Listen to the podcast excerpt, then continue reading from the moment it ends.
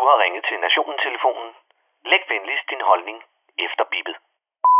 Ja, det er Palle fra Kalmborg. Nå, nu kommer vi fandme ikke udenom det mere. Store bededag. Hvad helvede sker der på begge sider af den varme vede? Man skulle kraft rød med tro, at regeringen var ude på at afskaffe det halve af industriferien, sådan som folk tager på vej over en enkelt fridag som ser ud til at blive inddraget, så der kan blive råd til det hele i en ny hverdag, der byder på krig og energikrise. Det er fandme som om, at danskerne gerne hjælper med et par hundrede millioner kroner til kraftens bekæmpelse, hvis det kan ske fra sofaen med en skål blandt selv slik på fissedellen. Vi hjælper gerne med hungersnød og AIDS-epidemier, hvis det kan gøres via en støttesang som en flok kendte gider indsynge, imens Karsten og Ruth fra Legusterhæk Allé afspacerer fra deres arbejde kan gå og løn med på den i radioen. Men når det kommer til at sløjfe en sammenskudshelligdag, så er vi fandme mere aktive end flammen og citronen under besættelsen. For danskernes bededag er åbenbart så vigtig i et land, hvor alt bliver der foræret og meget, meget, meget få mennesker rent faktisk går i kirke og beder, eller skal dobbeltjobbe, eller arbejde 10 timer om dagen for at få det hele til at hænge sammen, og hvor langt det meste ferie er fuldt ud betalt. For helvede, hvor kommer hele det her lille pisland op af ledersofaen, når nogen vil fjerne noget fra dem, der luner som pistår under permafrost.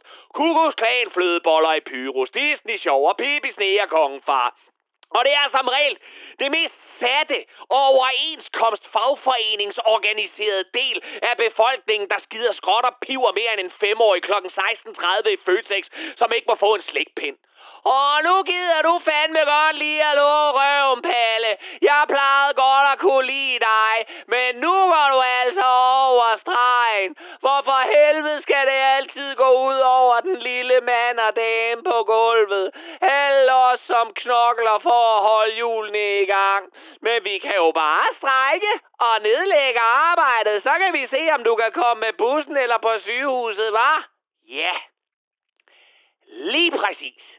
For det er jo det lort, der skal til en krisetid i et land, hvor alle er så godt ved muffen, at deres fagforeninger betaler deres løn under en strække. Det er 8 timer på et helt fucking år! Du bliver bedt om at arbejde med løn.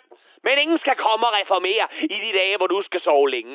En gennemsnitsdansker har 145 fucking fridage om året i 2023. 145 fridage!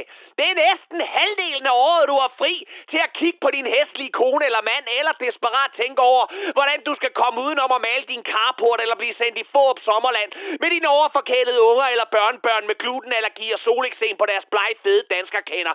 Luk røven! Luk røven! Luk røven og give afkald på en enkelt fucking dag, uden en hjertedød folkeafstemning, din fladpandede drama queen, så vi igen kan komme tilbage til at kunne betale for elregningen, lidt skinkesalat og en lokumsbørst. Nå, godt ord igen. For når det så er sagt, så skal den nye ansvarsbevidste og reformglade SVM-regering fandme også lige forklare rationalet i, at man ikke kan være med i et forsvarsforlig, hvis ikke man støtter op om en aflyst helligdag. Ud af et statsbudget på over 1.888 milliarder kroner, er det så virkelig store fucking bededag, der er afgørende for, om vi kan redde hele verden og gøre Ukraine russerfrit. For det er jo den helt grundlæggende årsag, hvis vi spørger panik- og katastrofeminister Mette, det koster dine børn livet, Frederiksen. Der var ikke et par tøffer, der kunne spares væk.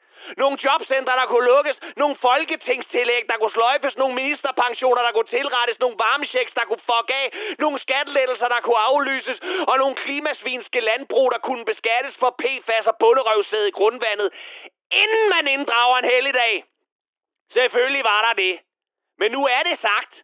Og hvis hen over midtenlinje 3 inde på borgen ikke står ved det, ved den første shitstorm, de møder, så kan vi lige så godt udskrive det næste folketingsvalg, for så mister de deres eksistensberettigelse. Og det ved de. Og de ved, at du ved det. Så når alle ved det, så ved de godt, at de er nødt til at holde fast i det, du ved nok. Så ved, at din varme veder er ved at være ved vejs ende, og måske vender det hele, når du får vederlag for din aflyste veder. Hvem ved? Men nu ved du det, og hvis ikke du vidste det, så ved du meget lidt. Og det var Palle fra Kalmborg.